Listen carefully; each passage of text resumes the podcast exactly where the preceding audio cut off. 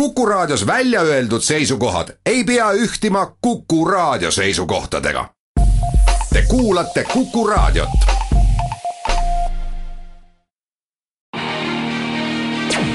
äripäev eetris.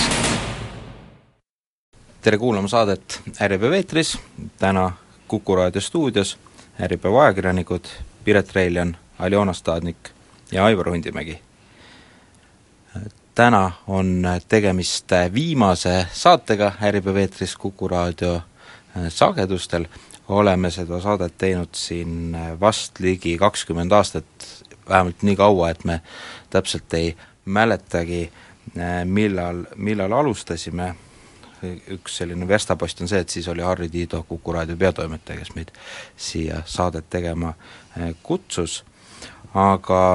meie kuulajad ei pea selles mõttes muretsema, et me jätkame Äripäev eetris saadetega lihtsalt teises kanalis ja, ja kui te tahate seda saadet edasi kuulata, siis eh, tulge igal tööpäeval Äripäeva veebilehele ja kell eh, üks päeval on, on seal eetris saade Äripäev eetris.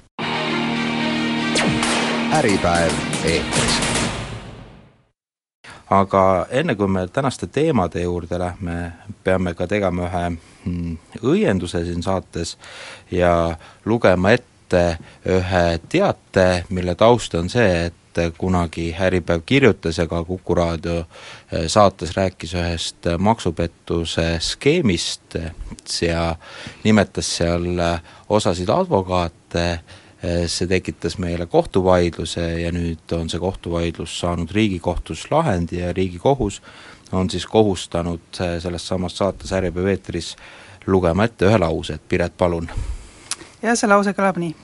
aktsiaselts Äripäev on Raadio Kuku viieteistkümnenda juuli kaks tuhat neliteist saates Äripäev eetris esitanud väite, mille kohaselt Jürgen Järvik on kasutanud vandeadvokaate Kari-Paavo Kohhi ja Tambet Mullarit ka minevikus oma skeemides, et peita oma ärihuve. selline väide on eksitav ja ei vasta tegelikkusele.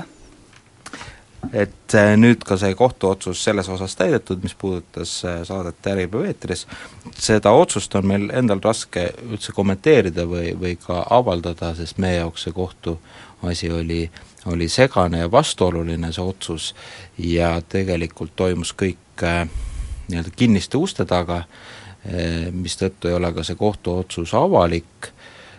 kusjuures kohus ise kohustab meid ka avaldama viite sellele kohtuotsusele, et, et selles mõttes on, on palju segadust. mis on ka eraldi küsimus, et miks peavad maksupettuste tegijaid puudutavad vaidlused, mida, millesse on meedia kaasatud, miks nad peavad olema eh, salastatud, et miks neid ei saa hiljem äh, täpsemalt lugeda, milles see vaidluste sisu oli ja, ja erinevate osapoolte argumentatsioon. aga lähme nüüd äh, meie saate teemade juurde, oleme tänaseks saateks valinud kolm teemat, räägime Urmas Reinsalu ideest muuta äriseadustik liberaalsemaks, räägime majanduskuritegude uurimisest ja ka nendest äh, Eesti ettevõtetest, kus on omanike ringis mõni Panama investor aga alustame Urmas Reinsalust ja tema ideest, eilses Äripäevas sellest põhjalikult kirjutasime, Aljona, sina olid nende tekstide autor ja, ja mis siis Urmas Reinsalu teha tahab? justiitsminister Urmas Reinsalu on siis äh, saatnud äh, kooskõlastusringile äh, äriseadustiku muutmise seaduse, mis tegelikult siis tähendab seda, et tulevikus leevendab siis õigusi e-residentsidele. et ähm, mis tähendab, et äh, tulevikus e-residentsid, kes asutavad Eestis siis ettevõtet, et nende juhatus ei pea enam asuma Eestis, et see on selle seadusemuudatuse siis kõige suurem muutus siis äh, nende jaoks ja, ja antud seadusemuudatus on saanud siis väga palju kriitikat juba, et Justiitsministeeriumile on tulnud kuusteist 16 sellist ütleme, hinnangut või arvamust ja väga paljud nendest siis arvavad, et selline muudatus muudab Eestit siis selliseks offshore'i riigiks. jah, et selle noh, ütleme muutuse eesmärk, mis nagu esmapilgul tundub ja tegelikult ka selle muudatuse toetajad on öelnud, et ega seal väga sisulist midagi ei, ei muutu, et, et ka et praegu on nõue, et kui sa ettevõte asutad Eestis, siis juhatus peab ka asuma Eestis, mis tähendab seda, et et vähemalt üks juhatuse liige peab siis olema Eestis, et teised võivad olla, olla välismaalased. aga nüüd ma saan aru, et see kriitika, mida, mida eilses Äripäevas ka tegid äh, advokaat Sten Luiga ja ja Terje Eipre, kes on ka advokaat, aga kes võttis sellel teemal sõna kui kohtutäiturite ja pankrotihaldurite esindaja, et nemad on, on juhtinud tähelepanu, et, et see pigem võib soodustada sellist variisikute teket ja väga keeruline on võib olla ajada taga erinevate firmade juhte, kui nad ei asu Eestis, vaid nad tegutsevad ükskõik mis teises riigis jah, just, sest et praegune, praegune seadus ikkagi ütleb, et üks juhatuse liige peab asuma Eestis, et sul oleks ikkagi see niinimetatud kontakt, et sa saaksid toimetada oma vajalikud dokumendid, päringud, kirjad ikka selle inimeseni, siis tulevikus ei ole enam juhatuse liige, et on ainult see nii-öelda kontaktisik, ehk siis nagu Keskkriminaalpolitsei Äh, majanduskuritegude büroo juht ütleb, et see on nagu lihtsalt äh, üks postkast, on see tulevikus see kontaktisik, et tegelikult sul ei ole võimalik äh, selle äriühingu juhatusega kuidagi kontakti saada. ja see on see, mida siis Sten Luiga ja Terje Epre siis viitavad, et kuidas sa saad kätte siis selle juhatust, kui ongi mingisugune sõna otseses mõttes jama majas tekkinud no iseenesest, kui ma selle teema peale mõtlen, siis tegelikult äh, ega praegu ju ka, kui ikka tahetakse ennast peita, siis ega sa praegu ka neid juhatuse liikmeid kätte ei saa, et et selles mõttes tundub nagu võib-olla natukene mulle kohati üle reageeritud see äh, mure, et nüüd muutub midagi kardinaalselt halvemaks, samas äh, üks huvitav asi, mille te-, Terje Eipre tõi välja, mis võib-olla vähemalt minu jaoks tundub kõige olulisem selle teema juures, on see, et need pankrotivaidlused, kui reaalselt on keegi võlgu jäänud, võivad liikuda seetõttu Eestist välja, et ettevõtte juhatus on näiteks kas Itaalias või kus, kus iganes, mõnes offshore riigis äh, siis nii-öelda resideeruv, et, et siis võivad ka need võlavaidlused liikuda hoopis teise riigi kohtutesse, et see tundub küll päris äh, selline ohukoht, et et aga nüüd, et, et juhatuse liige oleks kättesaadav kenasti, kui ta on siin Eestis mõnele aadressile registreeritud, noh, seda me oleme ju ise näinud ja käinud siin uste taga variisikutel ja kedagi kätte ei ole saada, et et see probleem on juba praegu olemas. No just, et kui see probleem on juba praegu olemas, et täna ei saada hakkama meil äh, nende maja, majanduskuritegudega, mis meil praegu juba Eestis on, siis selline plaan tundubki advokaatidele absurdne, sest et kui nad ei saa hakkama nende Eestis olevate juhatuste poolt äh, äh, pandud kurjategudega, siis kuidas nad saavad kätte need, mis on äh, juhatuste poolt pandud mis asuvadki Itaalias, Hispaanias või hoopis näiteks Aasias, Hiinas, mis on hoopis midagi muud. et see ongi see murekoht Äripäev eetris. jah, aga samas selle kohta, selles artiklis äh, ütles äh, advokaat Kuldar-Jaan Torokov, et et see noh, ütleme, et ei pea olema äh, võib-olla sellise seaduslooja puhul nagu argument, et kas nüüd riik, riik või siis ükskõik kes suudab oma noh, haldustoiminguid teostada või mitte, et et see ei peaks olema ettevõtja mure nii-öelda? jah, et sellega ei peaks piirama neid võimalusi või vabadusi, et, et see ongi riigi mure, et ta saaks vajadusel dokumendid üle antud ja ja, ja inimesed kätte. aga noh, selge on, et, et, et seesama, mis noh, kui me vaatame praegust olukorda, siis täna on, on meie probleem see, et et tõesti, äriregistris on olemas ettevõtteid, mille kontaktisikuteks on te-, teadlikult esitatud valed inimesed, valed aadressid ja, ja nüüd lihtsalt see võimalused on laiemad, et enam sa ei pea otsima kuskilt, ma ei tea, Lasnamäelt või, või Kopli aadressilt seda juhti või, või siis omanikku või firmat, vaid nüüd ta võib siis, see juht asuda ükskõik kus, kas Panamas või, või, või Botswanas või nii edasi. et, et see on see murekoht. ja enne, kui hakata äriseadustikku liberaalsemaks tegema, võiks selle kitsaskoha ära likvideerida, see on puhtalt justiitsminister Urmas Reinsalu haldusalas, ja, ja ma arvan, et see ei nõuaks väga suurt pingutust, et lihtsalt äriregister puhastada äh, nendest ettevõtjatest või, või olla nende suhtes rangem, kes kes esitavad valesid andmeid, et, et seal, seal on üks andmetöötlus ja, ja need asjad tulevad välja, ma arvan, et äriregistri inimesed ise teavad väga hästi, et milliste firmade äh, puhul on esitatud valed andmed ja milliste puhul mitte, aga, aga see ei ole prioriteet ja sellega ei viitsita tegeleda. Ei, loomulikult igasugused sellised äh, seadusemuudatused on tõenäoliselt positiivsed, aga millele viitavad täna advokaadid ja millele viitab täna ka kri-, Keskkriminaalpolitsei majanduskuritegude büroo juht, on see, et peab lihtsalt nende kitsaskohtadega täna juba arvestama. et praegu selles seaduseelnõus ei ole sellega arvestatud ja need kuusteist arvamust, mis on Justiitsministeeriumile laekunud, need äh, hõlmavadki seda, et, et vaadake üle, et, et igaks juhuks need või teised riskid need või teised kitsaskohad, et see tulevikus äh, ei tekiks siis ei politseil ega ka Maksuametil liiga palju tööd juurde, või siis andagi seda ressurssi majanduskuritegude büroole ja Maksuametile, et nad saaks tulevikus nendega tegeleda? ma arvan, et siin pigem ei ole isegi küsimus selles Maksuameti või politsei ressursis, et neil on, on noh, need võimalused palju paremad, kui nad tahavad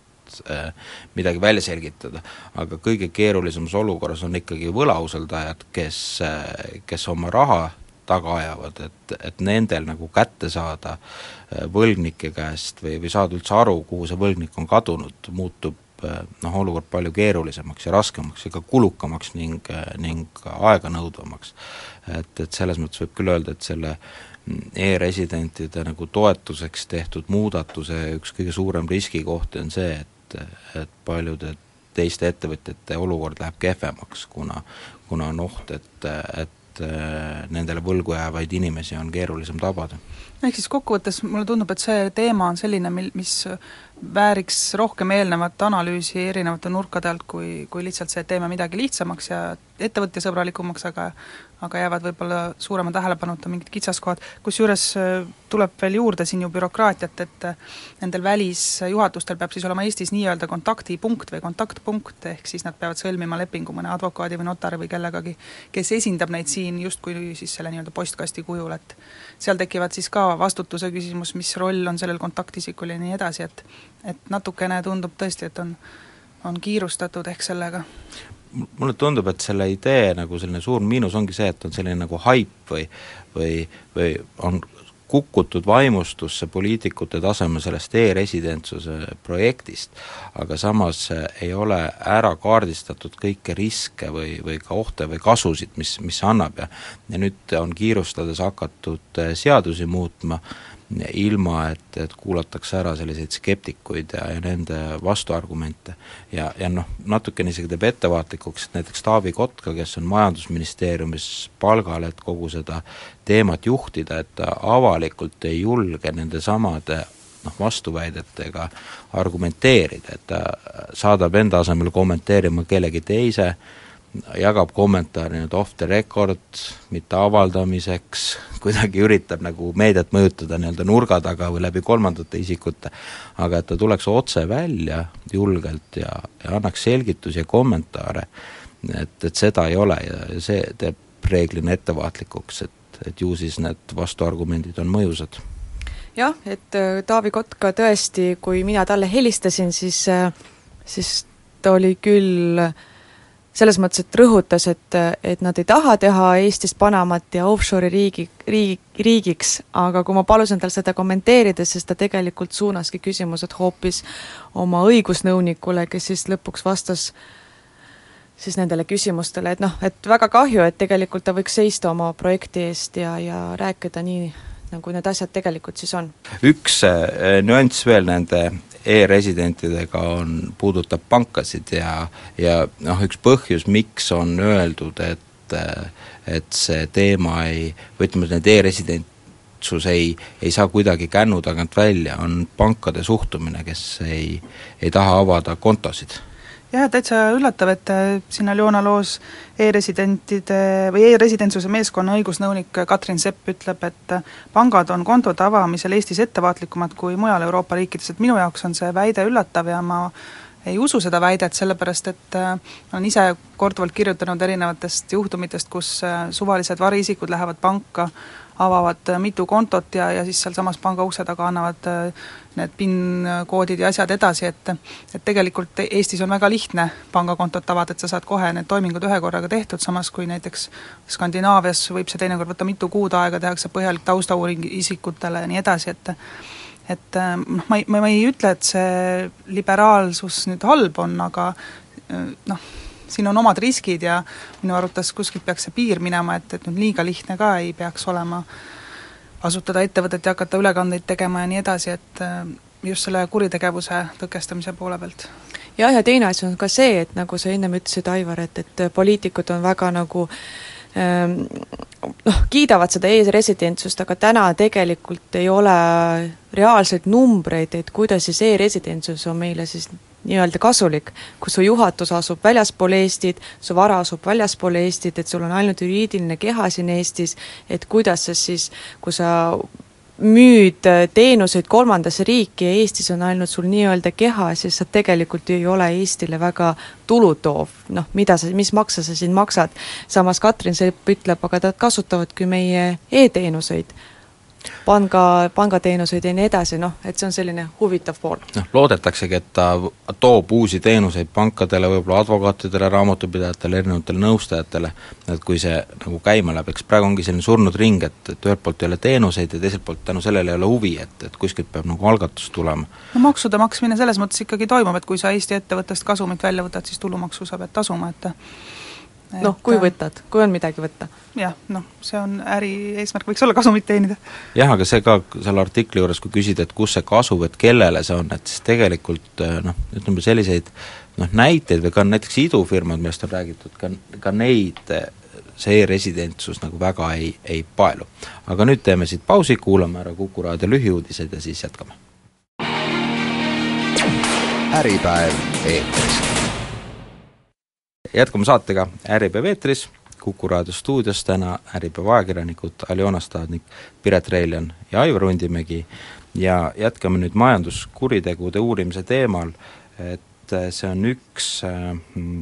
teema, mis haakub tegelikult selle äriseadustiku liberaliseerimise teemaga, millest me saate esimeses pooles rääkisime ja ja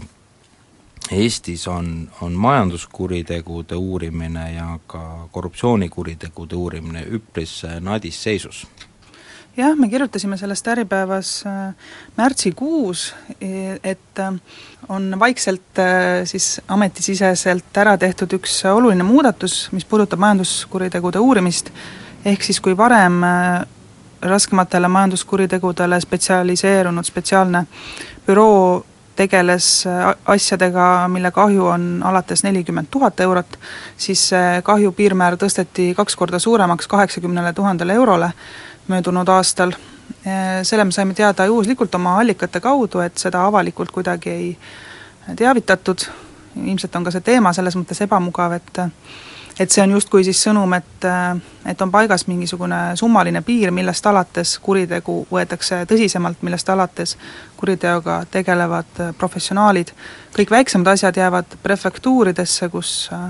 ressurssi on oluliselt vähem ja, ja pädevust on oluliselt vähem. et see salajane, see oligi vist see dokument, mis selle piirmäära paika pani, oli on, oli ametkondlikuks kasutamiseks mõeldud ja ehk mitte, mitte avalikustamiseks. ja eks see on selline noh, vastik teema nii siseministrile kui justiitsministrile, et, et nad ei saa, neil on väga raske avalikult tulla välja ja öelda, et me nüüd otsustasime, kuna ressursse on vähe, siis me otsustasime, et me noh, väiksemaid pahategusid või majanduskuritegusid tegelikult ei uuri või me jätame selle uurimise, lükkame kuhugi eh, tahapoole prioriteetide nimekirjas, et et sellist sõnumit noh, ükski poliitik ei taha välja anda, kuigi see põhjus on, on selles jah, see teema on selles mõttes kahe otsaga, et äh, keskkriminaalpolitsei juht Krista Aas andis meile põhjaliku intervjuu sel teemal ja oli tegelikult ka päris avameelne, et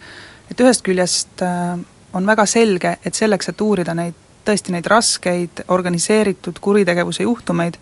selleks on vaja väga selgelt panna paika fookus, selleks on vaja, et sul ei oleks äh, segajaid mingisuguste pisemate asjade näol, kui sul on väga piiritletud tiim, antud juhul siis majanduskuritegude büroos nelikümmend viis inimest, et äh, see kõik on väga mõistetav, et äh, noh, nad ei saagi tegeleda seal äh, mingisuguste pisikeste äripartneriste, äripartnerite vaheliste varguste või, või asjadega, kus kahjud on väikesed,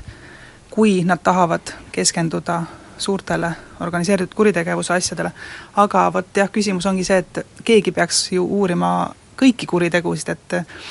et siin ka meil allikad, advokaadid tõid välja, et sellisel juhul võib-olla võiks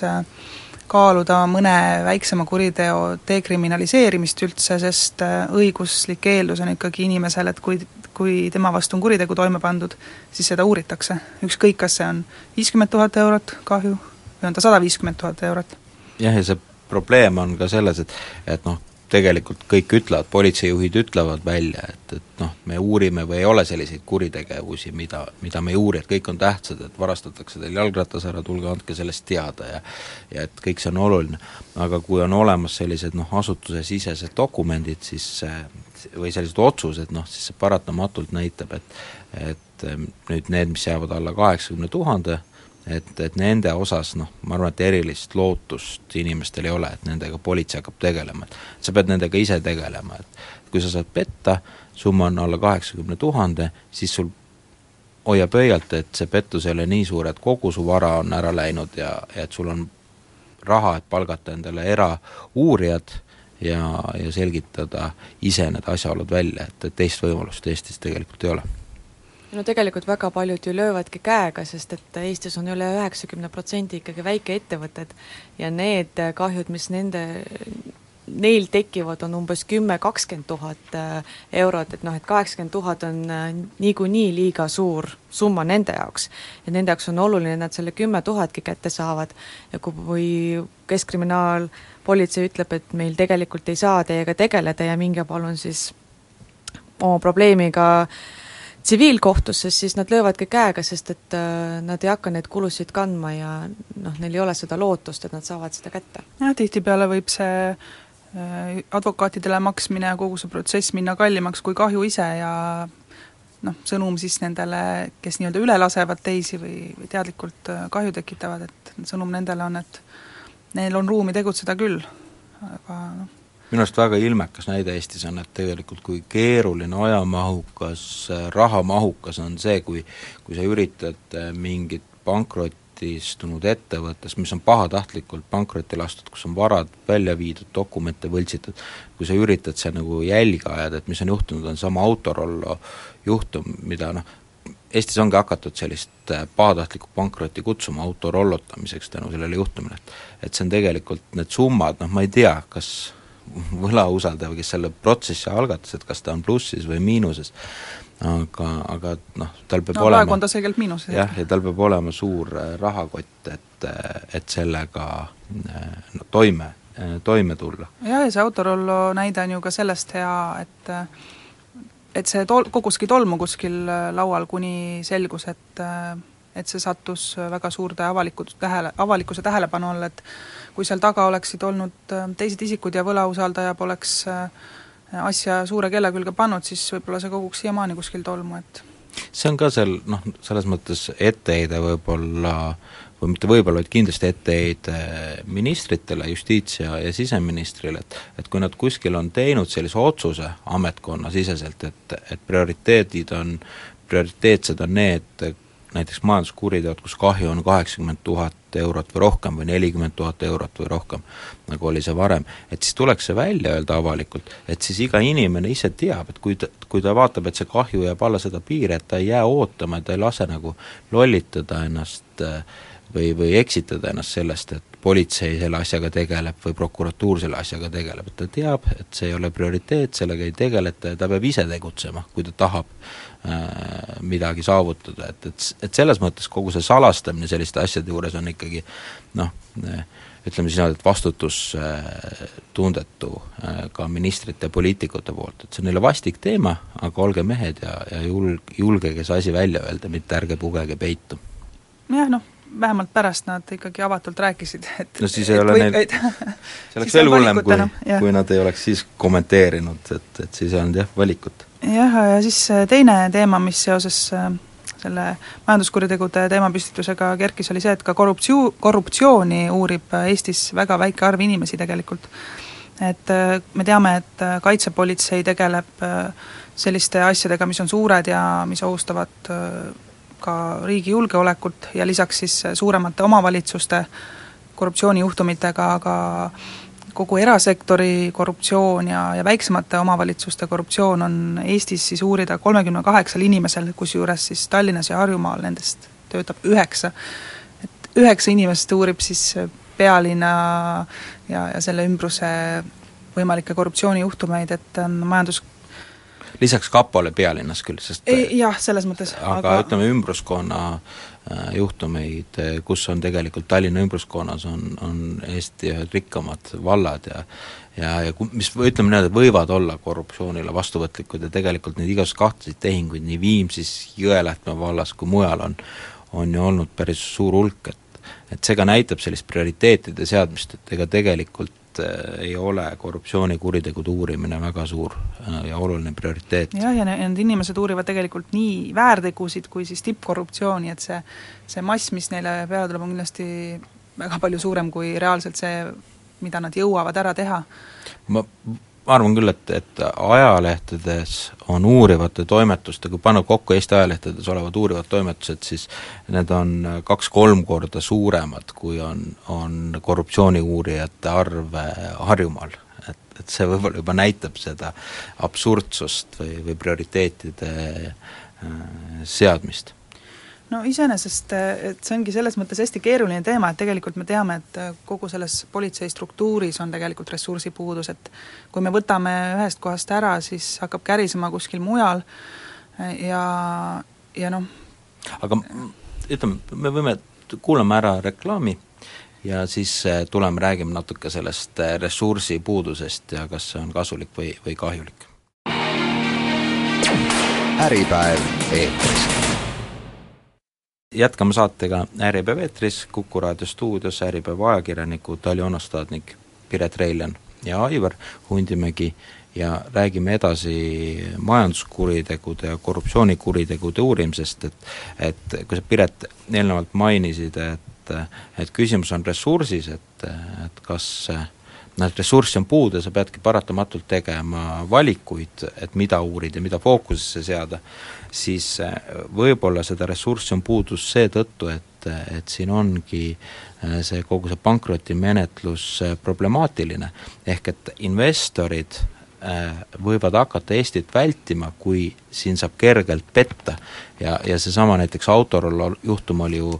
ettevõtlusvabaduse ühes indeksis äh, eraldi välja toodud, ehk et et selles mõttes on see teema oluline, et, et me võime, kui me riigi tasandil ei pea seda prioriteetseks ja ei tegele sellega, et oleks võimalikult keeruline äh, võl-, äh, pahatahtlike pankrotimeistrite elu, et kui me sellele tähelepanu ei pööra, siis võib juhtuda, et on osa investoreid, kes siia ei tule ja selles mõttes ei loo siin uusi töökohti, ei too Eesti riigile maksutulu, et, et, et selles, seal on see konks, et miks ta on nii oluline üldisemalt Eesti ühiskonnale. jah, ma igati nõus sellega. Ja, ja kus on veel probleeme, mis sealt välja toodi, kui me selles teemas kirjutasime, siis Eestis ainult neli protsenti mullu tegevuse lõpetanud äh, võlgades ettevõtetest tegi läbi pankrotimenetluse, et, äh, et teised ettevõtted lõpetavad tege-, tegevuse läbi likvideerimise ja, ja seal on võlausaldajate kaitse palju, palju kehvem kui, kui pankrotimenetluses, et see on ka üks selline kitsaskoht, mis tuleks Eestis võib-olla ära lahendada või millele tuleb tähelepanu pöörata. ehk siis rohkem tähelepanu ennetamisele, nagu ka Keskkriminaalpolitsei juht Krista Aas ütles, et et sellest tahetakse meil vähe rääkida, et kuidas ennetada kuritegusid, et rohkem äh, on siis furoori selle ümber, et kuidas neid uuritakse, et kindlasti see ennetus nii ettevõtjate endi poolt kui kõikvõimaliku seadusandluse ja ja, ja ka äriregistri tegevuse poolt näiteks, et seal on kindlasti palju ära teha veel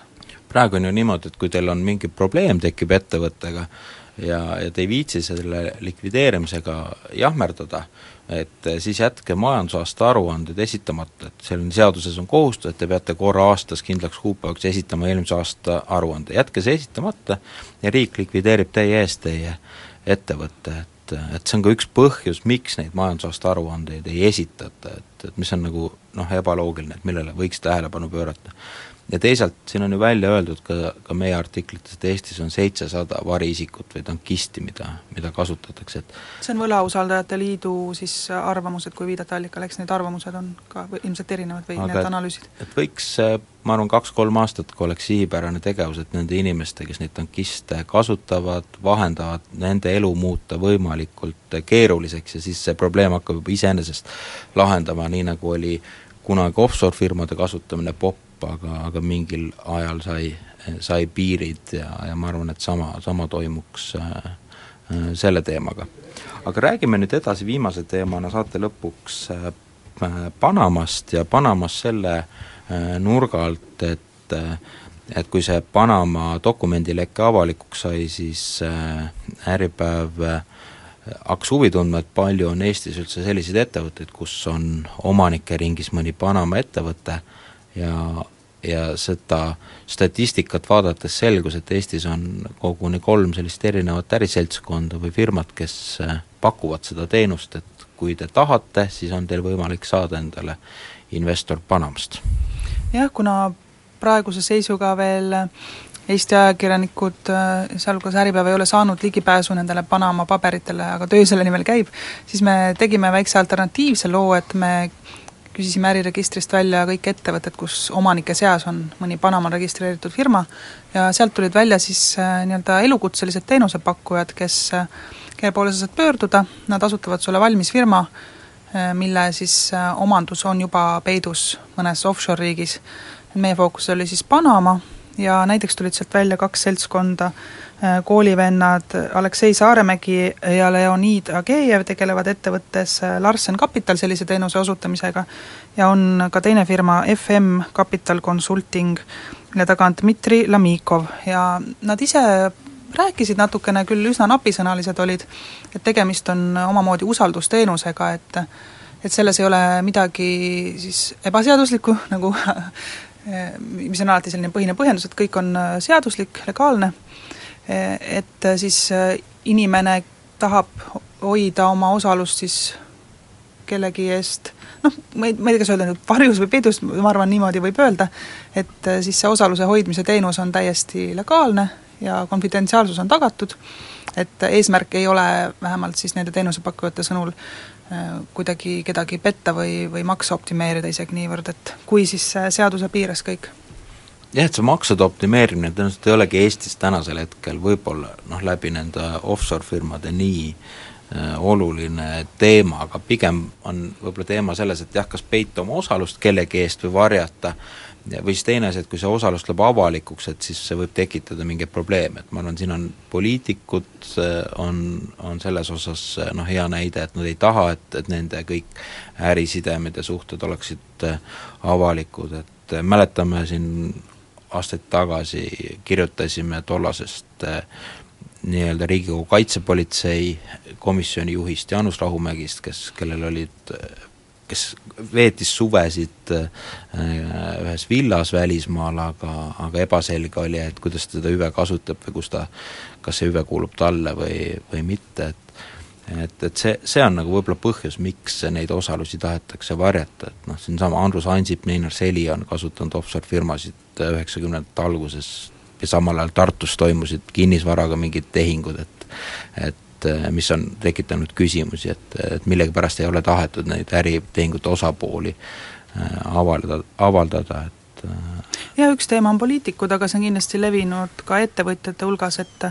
Eestis võib-olla pole see nii suur probleem, aga näiteks Venemaa ettevõtjad, kui võtta, et nad tegelikult ei tohigi omada vara kuskil peidetult, et, et siis see et see varjamine noh, tuleneb ka paljuski siis äh, selle riigi ettevõtluspoliitikast, kust ettevõtjad pärinevad, et tegelikult ka selle nimekirja puhul tuli välja, et suuremas osas äh, peitsid oma osalusi ikkagi välismaa investorid, et Eestis on see vähem levinud, muidugi selle nimekirja puhul tuleb ka silmas pidada seda, et et äh, need, kes tõesti tahavad peita oma huve, need teevad seda teistmoodi, et nad ostavad juba näiteks Panamal selle teenuse, noh, needsamad Panama paberid, et nad ei registreerigi siin Eestis äh, ettevõtte omanikuks mingit Panama firmat, mille jälgi hakata ajama, et et see on kindlasti ainult niisugune jäämäe veepealne osa, mida me näitasime jah, ja neid, neid ettevõtteid oli kokku umbes vist suurusjärk kakssada seitsekümmend, kes, kus nii. on üldse mõni Panama registreeritud ettevõtte osanik, et aga see number kohe jääb poole võrra väiksemaks, kui me võtame välja sealt legendaarse ettevõtete likvideerija Raul Pindi, kes äh, on juba umbes suurusjärgus paarkümmend aastat kasutanud ühte Panama ettevõtet siis oma likvideerimisprotsessis, ehk tema võtab siis ettevõtte üle, klient pöördub tema poole, tahab oma kas siis probleemse või mitteprobleemse firma likvideerida, Raul Pint äh, toob sinna omanikuks siis ühe Panamal registreeritud firma. et äh, ta ise põhjendab seda, et noh, et praegu on see pigem selline noh, mõnes mõttes turunduskomponent ja, ja selline harjumus rohkem, et omal ajal oli, oli seda rohkem heidutuseks vaja kasutada. aga sellega Äripäev ka tänase saate lõpetab ja see oli Äripäev eetris viimane saade äh, Kuku raadio eetris, täna olid stuudios ajakirjanikud Aljona Stadnik, Piret Reiljan ja Aivar Undimägi, aga Äripäev eetris ei lõpeta, vaid äh, jätkame juba homsest Äh, uues kohas, ehk et igal tööpäeval on võimalik Äripäeva raadiosaateid kuulata meie kodulehel, et kui tahate, tunnete huvi äri- ja majandusteemade vastu ning investeerimise vastu, siis, siis tulge kuulake, et et esimesed saated meil on pühendatud paljuski investeerimisele, sest algab LHV aktsiate märkimine, näiteks järgmine nädal tõenäoliselt on see üks teema, mille üle me äh, diskuteerime, et kas tasub märkida või mitte. Ja, ja kindlasti jätkame ka Äripäeva kodulehel raadiosaateid tehes investor Toomase portfelli ja, ja otsuste kommenteerimist ning äh, meie enda põhilugude tausta selgitamist. Aga meie siis Kuku raadiost lõpetame, oli tore koos, koostööd teha äh, ligi kakskümmend aastat ja oleme kuuldel juba homme Äripäeva kodulehel, kõike head! äripäev eetris